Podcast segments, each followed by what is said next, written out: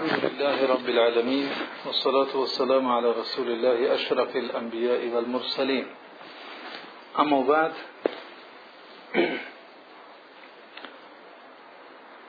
درس امروزه ما در اطراف حیات پیامبر صلی الله علیه وسلم در موضوع آشکار دعوت کردن أو و اسلوب های مشرکین در نبرد بر ضد پیامبر صلی الله علیه وسلم یعنی چگونه با پیامبر صلی الله علیه وسلم اونها اسلوب ها را استفاده بردند و خیلی مقاومت نمودند با رسول الله صلی الله علیه وسلم ما تا اینجا در مورد حیات پیامبر صلی الله علیه وسلم سخن کرده بودیم. و موضوع آخران ما در عموم موضوع دعوت سری پیامبر صلی الله علیه وسلم بود که در آن مرحله چگونه رسول الله صلی الله علیه وسلم اصحاب کرام را بسیار یک تربیه بزرگ نمود. بسیار یک جامعه مسلمانی بسیار منظم را جامعه مسلمانی اولی که بسیار منظم بود. آن را آماده ساخت. بعد که این جامعه مسلمان اول را که بسیار منظم بود بر اساس بر اساس های چگونه که ذکر شد اساس های عقیدوی اساس های تعبدی اساس های اخلاقی بلند یعنی که سطح بلند اخلاقی آنها را تربیه نمود. بعد این همه ساختنها وقتی آن رسید که این دعوتش اعلان کرده شود. و وقتی آن رسید که این دعوت را به دلیل گفته خداوند که فرود آمده بود این آیه های 214 و 215 سوره شعرا دعوتش را آشکار بکند.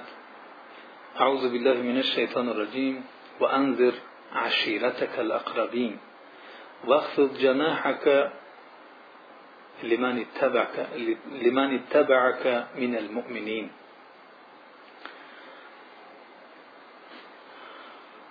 در این آیت الله سبحانه و تعالی پیامبرش را فرمان می‌دهد که خویشاوندان نزدیکت را بین بده و پال رحمت و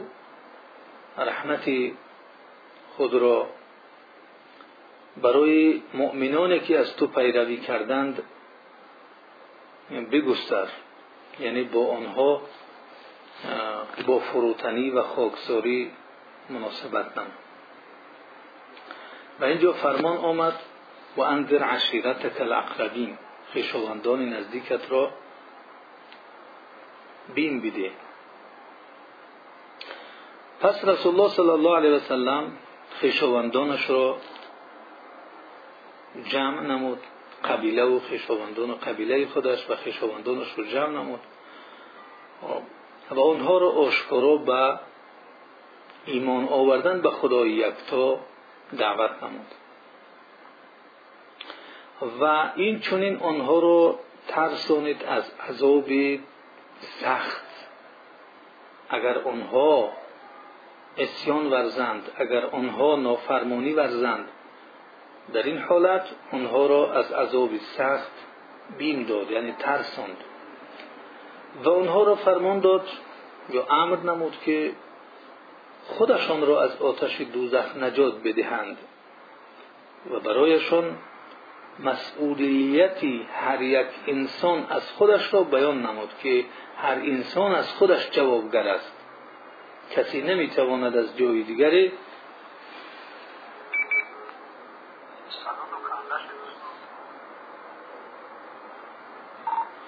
کسی نمی‌تواند از جای دیگری جواب بدهد. پس رسول الله صلی الله علیه وسلم بعد از این فرمان قبیله خود را خویشاوندان خود را جمع نمود و آنها را اشکرا به ایمان آوردن به خدای یکتا دعوت نمود.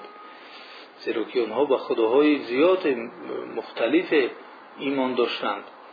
ولی این دعوتی رو که پیامبر صلی الله علیه وسلم آنها را به ایمان آوردن نمود به دعوت و ایمان آوردن به خدای یکتا بود. و این چنین آنها را بیم داد ترس داد که اگر نافرمانی کنند برایشان عذابی بسیار سخت است. و این چنین آنها را فرمود تا هر انسان خودش را از آتش دوزخ نجات بدهد. و این چنین برای آنها روشن کرد که هر انسان خودش از خودش مسئول است. یعنی کسی دیگر از جای کسی دیگر مسئول شده نمی‌تواند. از ابن عباس رضی الله عنه در این مورد روایت است که گفتند وقتی که این آیت نازل شد که و انذر عشیرتک الاقربین پیامبر صلی الله علیه و سلم بر صفا برآمد و ندا کرد. ای بنی فهر ای بنی عدی هر یک همون بطون قریش و هر یک قوم و قبیله قریش رو فریاد می‌کرد. تو اینکه جمع شدن و اگر یگان انسان نمی‌توانست که خودش در آن اجتماع حاضر شود کسی رو میفرستاد تا اینکه ببیند که در آنجا چی می‌گویند. این چنین ابو لهب هم در اینجا حاضر شد. و قریش هم. پس گفت که ارائیتکم لو اخبرتكم ان خیلا بالوادی تريد ان تغیر علیکم و کنتم مصدقی به من خبر بدهید که اگر من به شما چنین خبر بیارم که یک لشکر مردمی سواره در وادی هستند می‌خواهند که بر شما حمله کنند آیا شما مرا تصدیق می‌کردید یعنی اگر من بگویم که از پشت این وادی یک لشکر سواره های هستند که آنها می‌خواهند بر بالای شما حمله کنند. شما این گپ من رو تصدیق می‌کنید باور می‌کنید؟ گفتند که آره ما جز صدق و راستی از تو چیزی تجربه نکردیم. آنچه که در این مدت حیات چهل سال و چهل و سه سال که با هم زندگی کردیم از تو جز راستی دیگر چیز را ندیدیم. پیامبر علیه السلام گفت پس من شما را از عذاب سخت و از عذاب دردناک بیم دهنده هستم که آن در پیش استاد در پیش استاده است. یعنی عذابی که در پیش آینده است و عذاب دردناک است عذاب سخت است من از آن شما را بیم می‌دهم. میترسونم و ابو لهب گفت تبا لك سائر اليوم الی جمعتنا. یعنی بر تو تمام این روز هلاک بود مگر برای این تو ما رو جمع کردی؟ پس این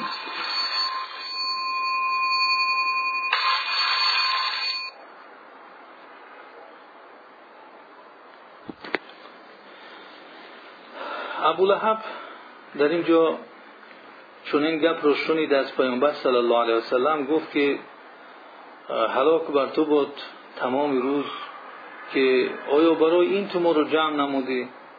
این بود که این آیت سوره مسد نازل شد که اعوذ بالله من الشیطان الرجیم تبت ید ابی لهب و تب ما اغنى عنه ماله و ما کسب. تا سوره. یعنی بود دستان ابو لهب و تب و حقا که هلاک شد. یعنی خود ابو لهب ما اغنى عنه ماله و ما کسب. از او نه مالش او را از این عذاب و از این هلاک و نه آنچه که کسب کرده بود یعنی فرزندانش.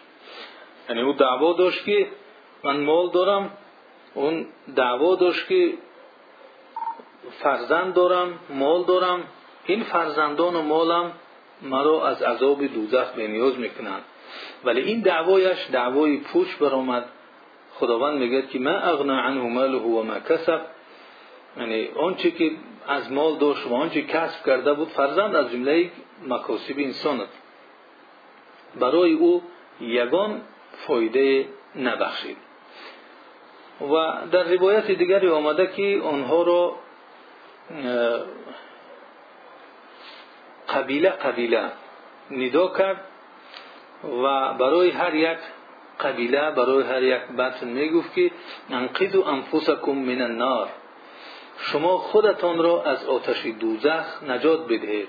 سپس گفت که یا فاطمه انقذی نفسکی من النار فإني لا أملك لكم من الله شيئا غير أن لكم رحما سأبلها ببلالها أو ببلالها. یعنی ای فاطمه خودت را از آتش دوزخ نجات بده. همانا من برای شما از خداوند چیزی را قادر نیستم. خب نمی‌توانم در برابر خداوند نسبت شما چیزی را بکنم مگر که شما با من پیوند و پیوند خیش و تباری دارید که من آن را یعنی میپیوندم.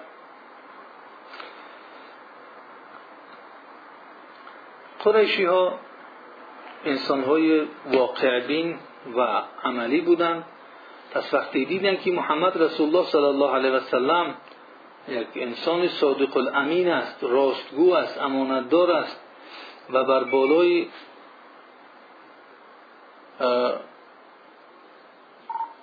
بر بالای اون کوه برآمده و به طرف پیش نظر می‌کند و به طرف پشت هم نظر کرده می‌تواند زیرا که در جای بلندی هست می‌تواند طرف پیش رو هم ببیند و طرف قفا رو هم ببیند.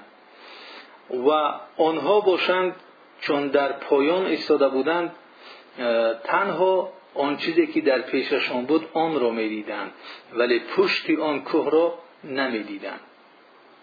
پس انصاف آنها و ذکاوت آنها آنها را به این هدایت نمود که پیامبر صلی الله علیه وسلم را تصدیق کردند و گفتند که آره. پس یعنی گفت که اگر من شما را خبر بدهم که از پشت این کوه یک لشکر است که به سر شما حمله می‌کند آیا شما من را باور می‌کنید؟ چون آنها پشت کوه را نمی‌دیدند و به این باور داشتند که هرگز دروغ نگفته است در حیاتش گفتند که آره. وقتی این مرحله طبیعی ابتدایی به انتها رسید و شهادتی کسانی که گوش می‌کردند آن شهادت چون عملی شد که آنها گفتند که راستگو هستی صادق الامین هستی بعد این مرحله و بعد شهادت دادن شنوندگان که در حقیقت راستگو هستی ما از تو هیچ وقت دروغ را نشنیدیم. هر گفته راست گفته و امانتدار بودی. رسول الله صلی الله علیه وسلم برای آنها گفت که فاننی نذیر لكم بین یدی عذاب شدید اما من برای شما بیم دهنده هستم. یک عذابی سختی رو که در پیش ایستاده است. و این گفته او از یک جانب شناس کننده بود مردم را به مقام نبوت و مقام پیامبری که آنها را آشنا کرد که یعنی این چیز که گفته می شود تنها از جانب پیامبران گفته می شود. این دلالت بر مقام پیامبری و نبوت می کند. و این چونین آنها را می شناسانید به اون علم علمی که این حقیقت هایی را که تنها او می‌دونست پیامبر صلی الله علیه وسلم بعضی امور غیبی را که برای آنها می‌گفت و این علم هایی که از جانب الله سبحانه و تعالی برای او بخشیده شده بود یعنی با اینها و پند دادن و بین دادن و در اساس حکمت و در با یک سخنهای بسیار بلیغ که مانند اونها در تاریخ دیگر دیانت ها و دیگر نبوت ها نگذشته است این گفته ها برای آنها این چیزها را آشنا می‌کرد که در اساس شنیدن این گفته ها آنها این چیز را می‌دیدند که این مقام نبوت است. فقط پیامبران می‌تونن این گونه سخن بگویند. و این چنین آنها رو به دیگر چیزها هم از این طریق آشنا کرد که علمهای را و حقیقتهای غیبی را می‌داند که آنها نمی‌دونن اینها را. پیامبر صلی الله علیه و اون غیب ها را نمی‌دونست ولی خداوند تنها با او این غیب ها را رسانده بود. یعنی او را تنها او را خبر داده بود که به مردم این غیب ها را برسان. که ما مثلا با سوالی منکر و نکیر عذاب قبر زندگردانی بعد از میرانیدن و امثال اینها روزی محشر و حوض کوثر و امثال اینها اینها چیزهای غیبی هستند که این حقیقت ها رو و این غیب ها را ما نمی‌دونستیم الله سبحانه و تعالی این علم ها را به پیامبر صلی الله علیه و سلم داد و پیامبر صلی الله علیه و سلم این حقیقت ها و حقیقت های غیبی رو برای مردم رسانید. و این چنین پند دادن و بیم دادن و در اساس حکمت و یک سخنرانی بلیغانه که مانند آن در تاریخ دیانت ها و تاریخ پیامبران نگذشته است. خب. این راه را که این اسلوب را که پیامبر صلی الله علیه و سلم آنها را دعوت کرد بسیار یک دعوتی کوتاه بود که از این دیده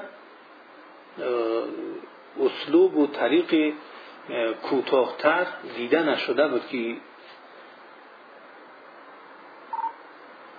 پیامبر صلی الله علیه و سلم با چند جملات و با یک اسلوب عجیب برای آنها این دعوت را کرد.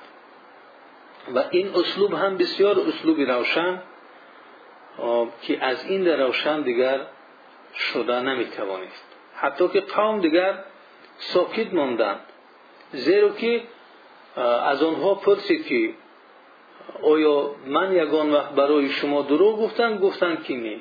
گفت اگر من برای شما خبر بدهم که از پشت این وادی لشکری است که بر سر شما حمله می‌کند باور می‌کنید؟ گفتند که آره.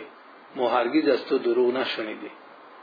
پس گفت من برای شما بیم دهنده هستم عذابی سختی رو که از پیش می آید. پس قوم ساکت کردن. این اسلوب بسیار اسلوب عجیب بسیار اسلوب کوتاه و بسیار اسلوب روشن در فهماندن و رساندن این دعوت بود.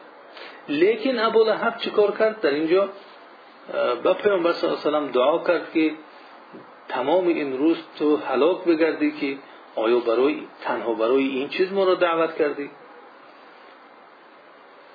از اینجا می‌بینیم که پیامبر صلی الله علیه و سلم برای امت امت اسلامی اساسهای اعلان کردن یک مسئله را اعلان نمودن را گذاشت. پایه های اساسی این مسئله را گذاشت. ببینیم که این اساس ها کدام هاست. پیامبر صلی الله علیه و سلم در اول اینکه یک مکان بلندی را اختیار نمود که اون کوه بود و در بالای اون کوه برومده ایستاد. که از بالای اون کوه بر تمام مردم ندا می‌کرد فریاد می‌کرد و صدایش به همه برابر می‌رسید و این آن چیزی است که امروز می‌بینیم ما در وسایل اعلام که چگونه خبر رو برای همه میرسونن این کار را انجام می‌دهند خب.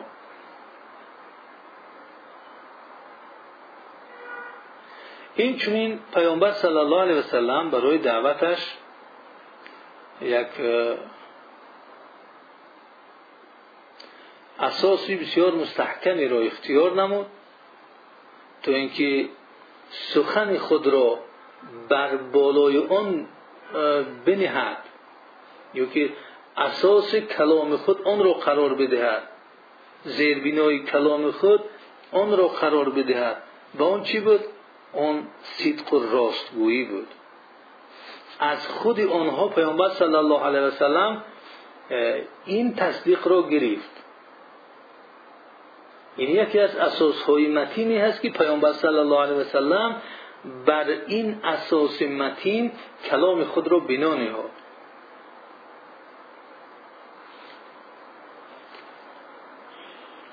وقتی که از آنها این تصدیق را گرفت یعنی که آنها خودشان گفتند که راستگو هست پس هر چیزی رو که اعلان می داشت اون دیگر مقبول مردم بود. زیرا خود آنها گفتند که تو دروغگو نیستی هرگز دروغ نگفته ای از این جهت پیامبر صلی الله علیه و سلم از اون متخصصان اعلامی پیشتر اساسهای رو گذاشته است که این اساس ها برای اعلام اساس ها برای دعوت و به مردم اتصال نمودن. تا اینکه آنها را یک معلومات را به هدف رساندن یک معلومات یا اینکه به چه به هدف دعوت کردن مردم.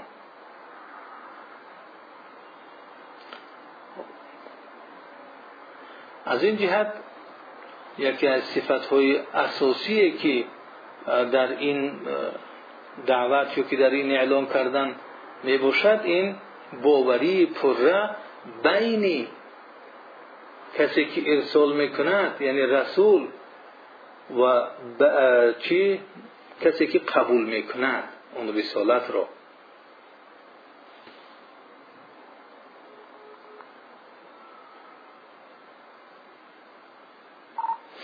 یعنی این دعوتی رو که پیامبر صلی الله علیه و سلم شروع کرد اعتماد بر چی داشت؟ تکیه به صفت اساسی بر باوری پره بین رساننده و بین قبول کننده یعنی دیدیم که چگونه کسانی که قبول می‌کردند از گوینده آنها باوری کامل داشتند که راستگو است. و این بین این سرچشمه رسالت و بین مردمی که این رسالت را قبول می‌کنند این باوری کامل بینشان وجود داشت که آنها گفتند که راستگو هستی و هرگز ما از تو دروغ را ندیده ایم. از این جهت لازم است واجب است که کسی که چیزی رو اعلام می‌کند و می‌خواهد که اون اعلام خود یا دعوت خود کامیاب باشد باید که بر اساس صدق باشد نه بر اساس دروغ. در اساس صدق باشد نه در اساس دروغ. ببینید پیامبر صلی الله علیه و سلم چگونه از یعنی اسلوب دعوت را در اینجا انتخاب نمود که بسیار اساس های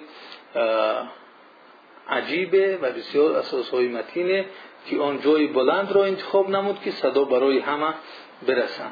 و مردم را جمع نمود و از آنها اقرار گرفت که یعنی در مورد راستگوییش که این هم یکی از اساس های متین در دعوت و در رسانیدن رسالت و در قبول کردن رسالت می باشد. که چون آنها تصدیق کردند که راستگو هست رسالت خود را برای آنها بیان داشت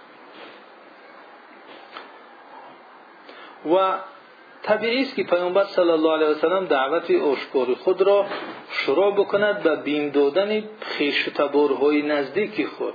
چرا که مکه یک شهری بود که در آنجا روحی یعنی قبیلوی که هر کس به قبیله خود انتماع داشت و به قبیله خود یعنی روی می آورد و هر کس چگونه که در ما میگن که محل و محل بازی و امثال است اونجا قبیله بازی می‌کرد.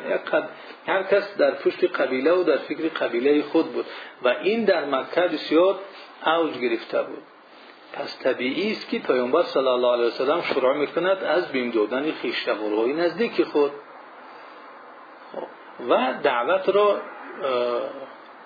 به همان خویشتوارها شروع کرد که شروع کردن دعوت به خیش و تباران در یاری دادن آنها بر پیامبر صلی الله علیه و نصرت او و دستگیری کردن و حمایت کردنش یاری میرساند.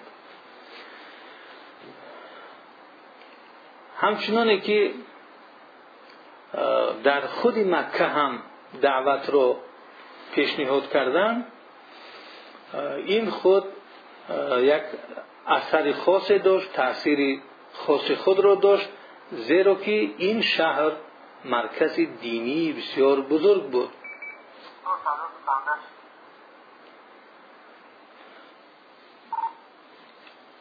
مکه مکرمه خود این یک مرکز دینی برای من مردم منطقه بود که همه مردم به آنجا جمع می آمدن. یعنی ببینید که پیامبر صلی الله علیه و سلم از یک جهت با دستور خداوند خیشتبارهاش را دعوت کرد اول. که از جانب خداوند معمول شد که خیشتبارهای نزدیکت را بین بده. چرا که چگونه گفتیم در آن شهر مکه مردم همه به قبیله خود اعتماد می‌کردند. و بهترین کسی که انسان را دستگیری می‌کرد و تایید مینمود و اون را از دیگران حمایت می‌کرد که یگان ضرری نرسونند این خویش تبرها بود. که بعدا ما این چیز را احساس کردیم. مخصوصا وقتی که پیامبر صلی الله علیه و سلم را در شیب ابی طالب محاصره اقتصادی می‌کنند حتی کسانی که مسلمان نشده بودند ولی از قبیلهش بودند از قوم و قبیله پیامبر صلی الله علیه و با او در اونجا شرکت رسیدند و این چنین مسئله دیگر که گفتیم اختیار کردن مکه یا در مکه دعوت نمودن این خودش تاثیر خاصی را داشت. چرا؟ چرا که مکه این یک مرکز دینی بود. در آنجا همه مردم همه قبیله ها جمع می شدند از این جهت برای رساندن این دعوت برای همه مردم یک مکانی بسیار خوبه بود.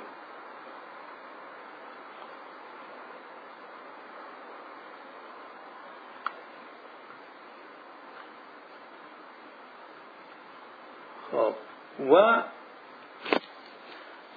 دعوتی پیامبر صلی الله علیه و سلم گرچنده که در مرحله اولش به خیشتبارهای نزدیک و قوم و قبیله خودش معمور بود ولی این دین به تنها برای قریش یا تنها برای عرب نآمده بود بلکه حقیقت این رسالت حقیقت عالمی است. رسالتی برای تمام عالم است. نه تنها برای قریشی ها و نه تنها برای مردم عرب.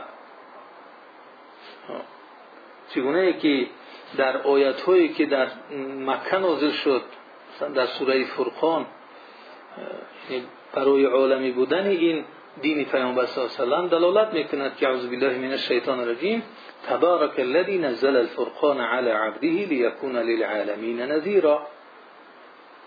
مبارک است.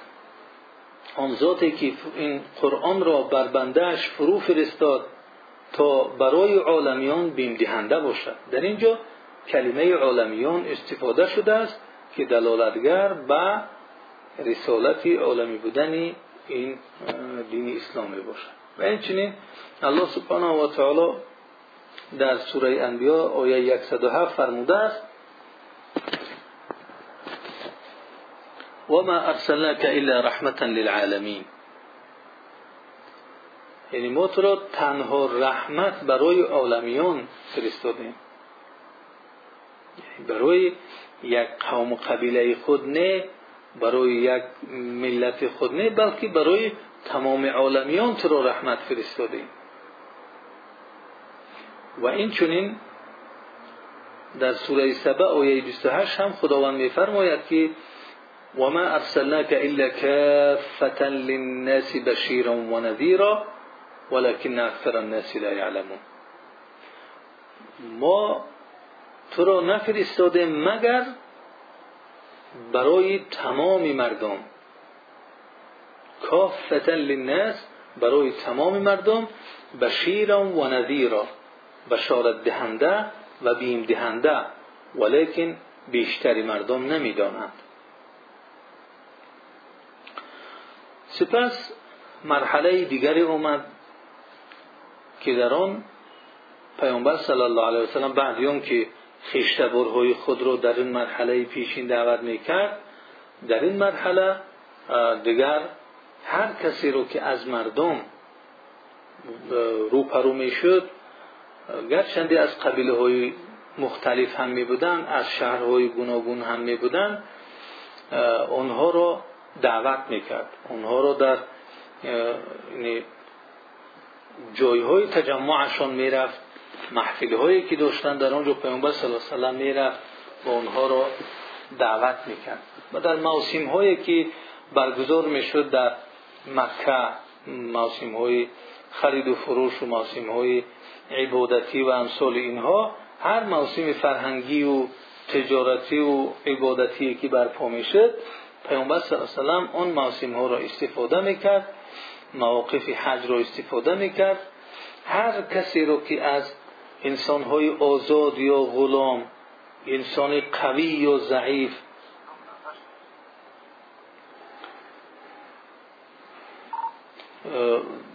انسان های ثروتمند یا فقیر چگونه گفتیم آزاد یا غلام قوی یا ضعیف هر انسانی رو که دیگر وامی خورد در این مناسبت ها آنها را پیامبر صلی الله علیه و سلم دعوت می‌کرد.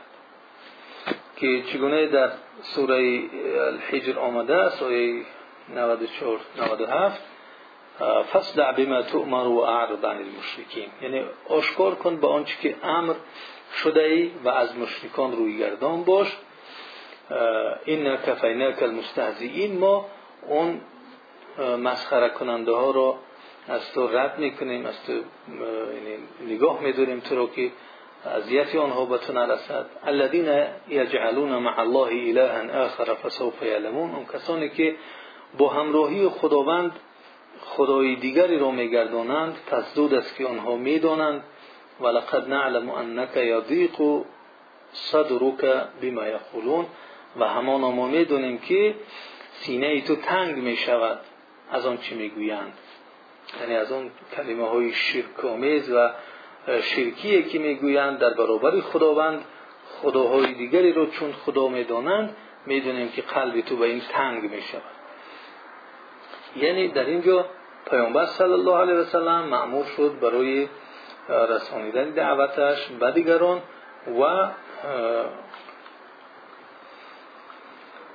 هر کسی که دیگر در موسم ها با پیامبر صلی الله علیه وسلم رو پرو می‌شد آن را به سوی دین خداوند دعوت می‌کرد. نتیجه نتیجه این آشکار کردن چی می‌شد؟ نتیجه این این بود که در پیش راه او مانعه ها ایجاد شد از او رویگردانی ها شد نسبت او مسخره کردنی ها شد.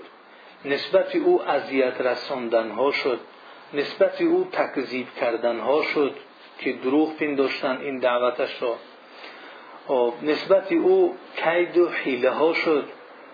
نقشه ها کشیدن بر زیدی او. این بعد آن شد که در نتیجه پیامبر صلی الله علیه و دعوتش را آشکار کردن. خب از این جهت مبارزه بین پیامبر صلی الله علیه و سلم و صحابیش صحابی کرامش و بین آن بود پرستان و رهبران بود پرست سران بود پرست بین آنها شدت گرفت و دیگر مردم در مکه این خبرها را از زبان به زبان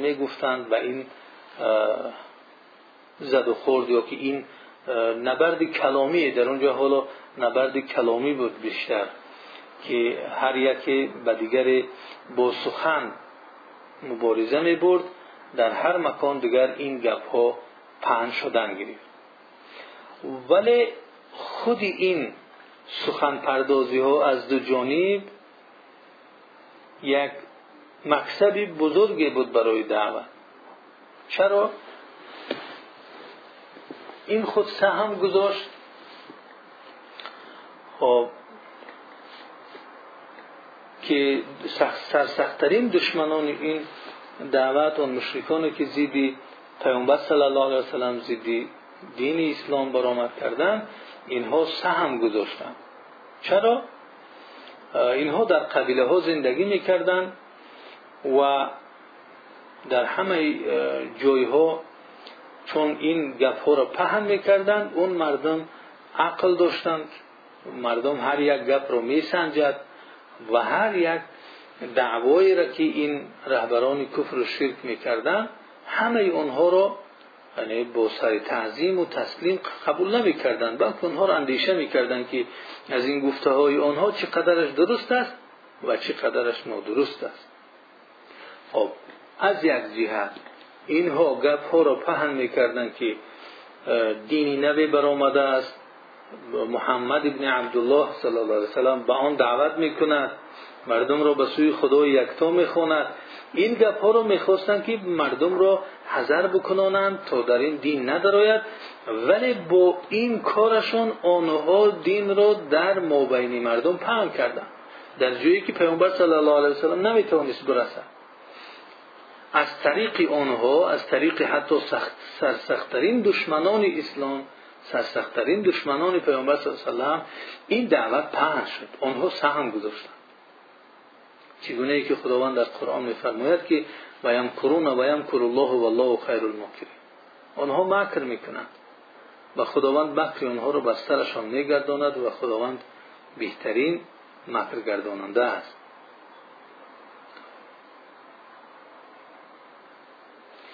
و وسیله های اعلامی در اون عصر برای همگان معلوم است که تنها از دهان به دهان بود. خبرها را مردم از دهان به دهان می‌گرفت. خب یک کسی نزدیک میشنید به یک انسان دورتر اون را برده میرسانید.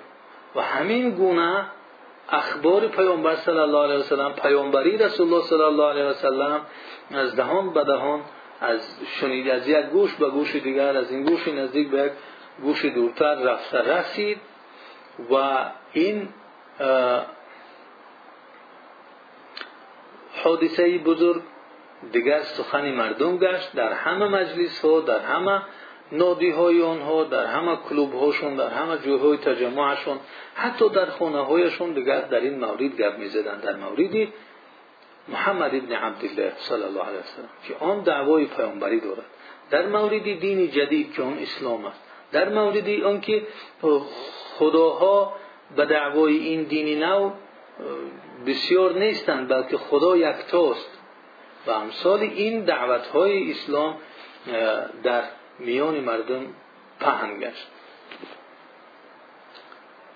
این بود ابتدای آن دعوت جهده که پیامبر صلی الله علیه وسلم شروع نمود و دیدیم که چگونه پیامبر صلی الله علیه وسلم مرحله جدید رو شروع کرد و این مرحله به برنامه نبود بلکه چگونه که دیدیم این مرحله بعد اون مرحله اول اومد مرحله که در شکل پنهانی مردم رو دعوت نمود و اصحاب کرام رو تربیه کرد. آنها رو از روی عقیده تربیه نمود آنها رو از روی عبادت تربیه نمود. آنها رو از روی اخلاق بلند تربیه نمود. پس مرحله بین دادن خیشاوندان و این چنین مردم رو دیگر مردم رو آشکار و دعوت کردن بعد این مرحله آمد. یعنی ببینید که هر کس که در این دین قدم می‌زند و هر کس که در این دین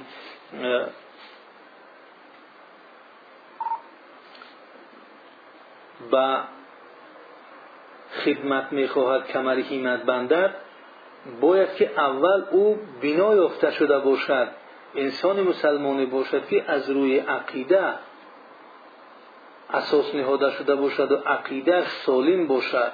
از روی عبادت یک انسان مسلمان باشد که اون خدا را عبادت کند غیر خدا را عبادت نکند و هر چی که در حیات خود انجام می‌دهد آن را عبادت برای الله سبحانه و تعالی بداند و ببیند که آیا این رفتار او این کردار او برای خدا عبادت قبول می شود یا نه.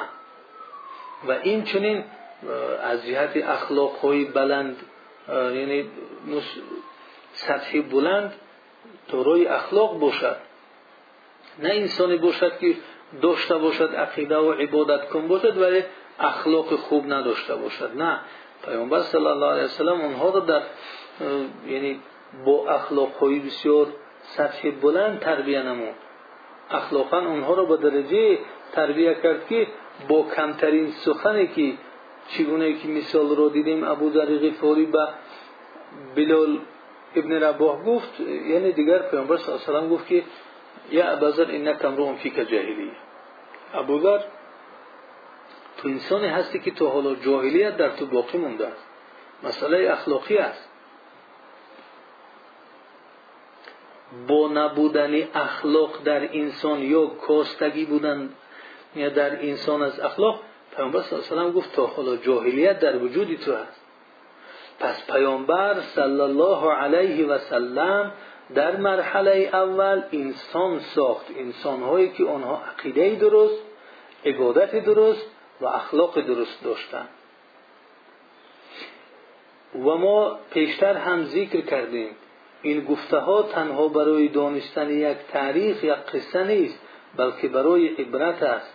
برای کسی که می‌خواهد مسلمان زیستن باید از این حیات پیامبر صلی الله علیه و سلم عبرت بگیرد. که در اون مرحله چگونه در اول انسان را از روی عقیده از روی عبادت و از روی اخلاق تربیه نمود. تو اینکه عقیده سلیم داشته باشد خدا را عبادت یعنی خدا را بشناسد به خدا یکتا ایمان داشته باشد نه به خداها. نفس خود را خدا نگیرد. خواهشات خود را خدا نگیرد. بتها را خدا نگیرد. خدا یکتاست. آفتاب و محتاب و ستارگان را خدا نگیرد. و امثال اینها. بلکه الله سبحانه و تعالی را خدا بگیرد. بداند که روز قیامت است.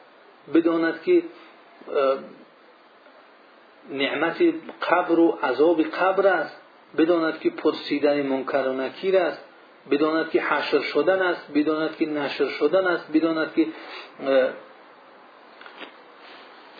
حوض کوثر است. پل سیرات است. خب جنت است. با امثال اینها یعنی عقیده او باید که سالم باشد این چیزها را بداند. و این چنین مسئله عبادتی اون هم یعنی عبادت او خالص برای الله سبحانه و تعالی باشد. برای دیگر چیز اون عبادت نکنند و این چنین اخلاق سطح بلند داشته باشد. نه اخلاق عادی بلکه اخلاق سطح بلند. چون این انسان ها به این مرحله آماده شدن فرمان الله سبحانه و تعالی برای پیامبر صلی الله علیه و رسید که اکنون دیگر آشکار خویشتبارهایت را به سوی خداوند بخوان. الله سبحانه و تعالی می‌تونست که از روز اول پیامبر صلی الله علیه و سلم رو به این چیز فرمان بدهد. ولی چرا اینقدر مدت میگذرد؟ چرا اینقدر مهلت میگذرد؟ اینها حکمت هایی هستند که ادعو إلى سبیل ربک بالحکمت والموعظة الحسنة وجادلهم بالتي هي أحسن. یعنی این همون حکمت است پیامبر صلی الله علیه و سلم چگونه قبیله خود را چگونه دعوت نمود؟ قبیله ها را یعنی یکتا یکتا نام گرفت. و برای آنها بیان نمود که هر کس باید خودش را از آتش دوزخ نجات بدهد. و اندر عشیرتک الاقربین بین بده آنها را. از چه بین می‌دهد گفت که ای بنی فیر ای بنی عدی همه اون قوم و قبیله رو به نامهایشان گرفت. و برای آنها اول راستگویی خود را از آنها پرسید آنها تصدیق کردند. پس گفت که اینی نذیر لکم بین یدی عذاب شدید. من شما را بین می‌دهم میترسانم. از یک عذاب سختی که در پیش ایستاده است. در حقیقت پیامبر صلی الله علیه وسلم اونها را از این عذابی که در پیش ایستاده بود به صدق بین ولی ابو و امثال اون کسانی بودند که اونها قبول نکردند و گپهای گفتند که سبب هلاکشان شد. و اون دعوایی رو که ابولهب داشت که من فرزنددار هستم و من مالدار هستم و به سبب فدا کردن بعضی مالم و فدا کردن بعضی فرزندانم از آتش دوزخ نجات مییابم. الله سبحانه و تعالی جوابی او رو در این حیات داد که ما اغنا عنه ماله و ما کسب. این مال تو و این کسب کرده ای تو برای تو منفعتی نمیبخشد و هر یکی رو پیامبر صلی الله علیه وسلم گفت که خودشان رو از آتش دوزخ نجات بدهند از آن جمله نام دخترش فاطمه را نیز گرفت. تا بدانند که حتی یعنی نزدیکترین شخصی که با او هست که فاطمه است اون را نمی‌تواند نجات بدهد. و گفت که ای فاطمه خودت را از آتش دوزخ نجات بده. فانی لا املك لكم من الله شيء من از خداوند یعنی در برای از خداوند برای شما یگان منفعتی رسونده نمی‌توانم. و اون اسلوبی رو که پیامبر صلی الله علیه در دعوتش گرفت که چگونه جای بلند رو اختیار نمود چگونه مردم رو اول گفت که آیا من راستگوی هستم یا نه. خب اگر راستگو مرا می‌دونید من برای شما خبر بدهم یک مثال برای آنها زد چون آنها تصدیقی در تصدیق کردن بعد از آن برای آنها حقیقت را گفت. یعنی برای آنها یک یک بار حقیقت را نگفت. اول آنها را ساخت برای آنها یک فضای را مناسب آورد که برای او باور بکنند که در حقیقت در آنجا تمام مردم خاموش نشستند. ولی ابولهب بود که این خاموشی را شکست و آن گپی ناگفتنی را گفت که خداوند در برابر او آیت را نازل کرد.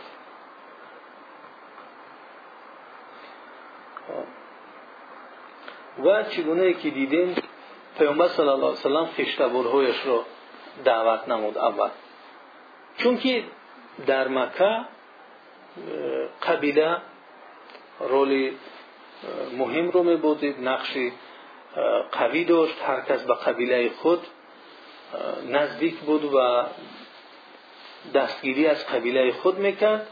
از این جهت وقتی که شروع شد دعوت از قبیله و از خیشتبار این قبیله و خیشتبار انشاءالله که او را چکار می‌کردند؟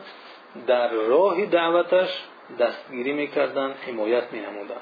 که چگونه در مثال با این رو دیدیم در حقیقت در واقع آنها از پیامبر صلی الله علیه و دستگیری کردند و او را حمایت نمودند و در درس های آینده که خواهد آمد انشاءالله ما این مثال را خواهیم دید.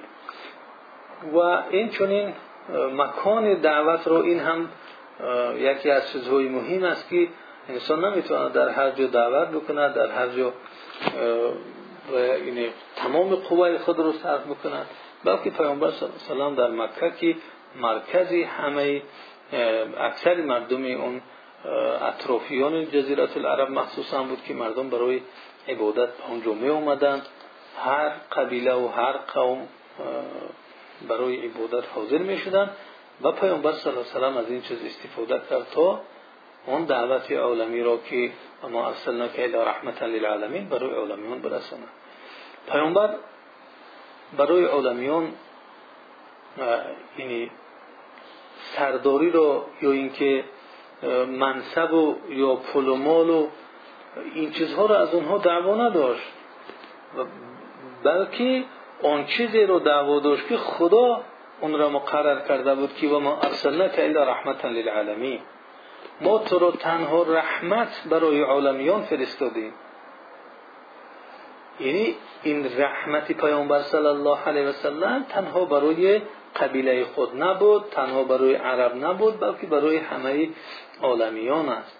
در حقیقت حیات پیامبر صلی الله علیه و سلم گفته های خدا و گفته های رسول صلی الله علیه و سلم برای تمام عالمیان رحمت است. ولی فقط لازم است که با طرز درست این رحمت بودن گفته های خدا و رسول خدا برای مردم رسانیده شود. که در حقیقت وقتی اینها را ببینند برای آنها رحمت است برای آنها منفعت است برای کسی از آنها ضرر وارد نمی‌کند خب این بود مقدمه در مورد دعوت اشکار پیامبر صلی الله علیه وسلم و بعد این مقدمه ان که در درس های آینده ببینیم که چگونه مشرکان اعتراضات داشتند مهمترین اعتراضات آنها و امثال اینها دیگر بیان خواهد گشت. والله اعلی و اعلم اگر سوالی باشد مرحمت